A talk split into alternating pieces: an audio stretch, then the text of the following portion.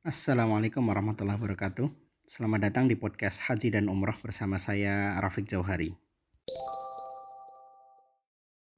Para pendengar, kita masih membahas kitab Al-Arba'un Al-Makkiyah, kumpulan 40 hadis keutamaan Makkah yang disusun oleh Profesor Dr.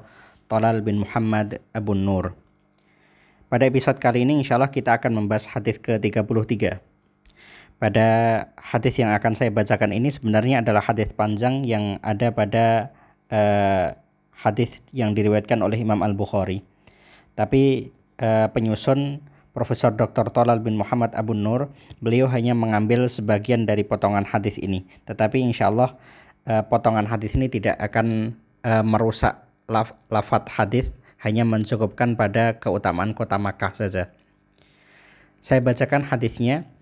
عن أبي ذر رضي الله عنه كان يحدث أن رسول الله صلى الله عليه وسلم قال فرج سقفي وأنا بمكة. فنزل جبريل عليه السلام ففرج صدري ثم غسله بماء زمزم ثم جاء بطست من ذهب ممتلئ حكمة وإيمانا فأفرغها في صدري ثم أطبقه ثم أخذ بيدي fa'araja bi sama'id dunya. Dari Abu Dhar radhiyallahu anhu ia bercerita bahwasannya Rasulullah shallallahu alaihi wasallam bersabda, "Atap rumahku terbuka. Sedang waktu itu aku di Makkah. Lalu turunlah Jibril alaihissalam kemudian ia membelah dadaku. Kemudian mencucinya dengan air zam-zam. Lalu ia mengambil baskom yang terbuat dari emas penuh dengan hikmah dan iman Lalu ia menuangkannya dalam dadaku. Setelah itu ia menutup kembali dadaku, kemudian ia memegang tanganku dan naik bersamaku ke langit dunia, dan seterusnya. Hadis riwayat Al-Bukhari. Para pendengar, ketika kita membahas hadis ini, perlu kita membawa uh, pengetahuan tentang seperti apakah rumah penduduk Quraisy seperti apakah rumah penduduk Makkah yang ada di zamannya Rasulullah SAW. Orang-orang Quraisy di zamannya Rasulullah SAW mereka memiliki rumah. Rumahnya mereka biasanya tidak besar, hanya ada beberapa kamar kecil saja. Di bagian depan hanya berbentuk kotak-kotak.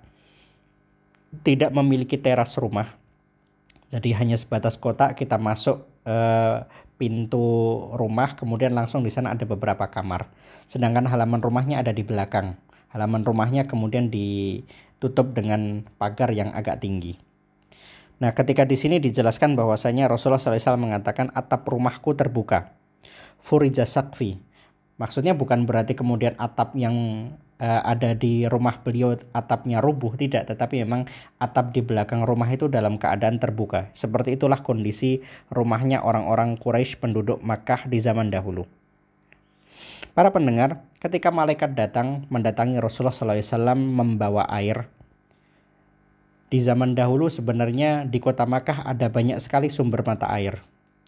Memang yang paling dekat itu adalah sumber mata air Zam-Zam.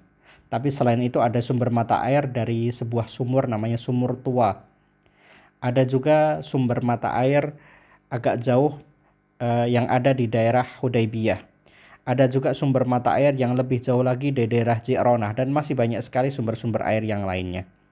Tetapi dalam hadis ini Rasulullah SAW menjelaskan bahwasanya malaikat ketika sedang membelah dadanya Rasulullah SAW mencuci organ dalamnya Rasulullah SAW yang digunakan untuk mencucinya adalah zam-zam. Kenapa? Ini menunjukkan bahwasanya zam-zam adalah air yang istimewa. Tidak hanya istimewa untuk diminum saja, tetapi dalam kebutuhan yang lainnya pun zam-zam juga memiliki keutamaan. Zam-zam adalah mata air yang hanya didapatkan dari kota Makkah. Tidak mungkin ada orang yang uh, mengaku memiliki sumur yang sumurnya itu memiliki kandungan sama dengan air zam-zam.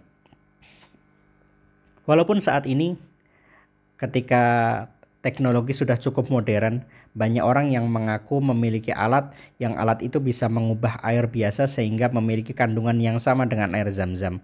Mungkin atau tidak, kalau dari sisi hanya sebatas kandungan mineralnya, zat yang ada di dalamnya, ya mungkin-mungkin saja. Tetapi barokahnya air zam-zam tidak mungkin disamakan dengan alat mana pun. Ini menunjukkan bahwasanya Makkah sebagai tempat satu-satunya di muka bumi yang menghasilkan air zam-zam, ini adalah tempat yang istimewa. Tidak ada satupun tempat di muka bumi yang memiliki air sebaik air zam-zam, baik dari sisi kandungan eh, dari unsur kimiawinya, apalagi dalam hal keberkahannya tidak ada yang menyamai air zam-zam. Walaupun ada orang yang mengatakan bahwasanya air yang berasal dari sumber mata air yang ada di daerah ini memiliki keutamaan ini, ini, ini, ini.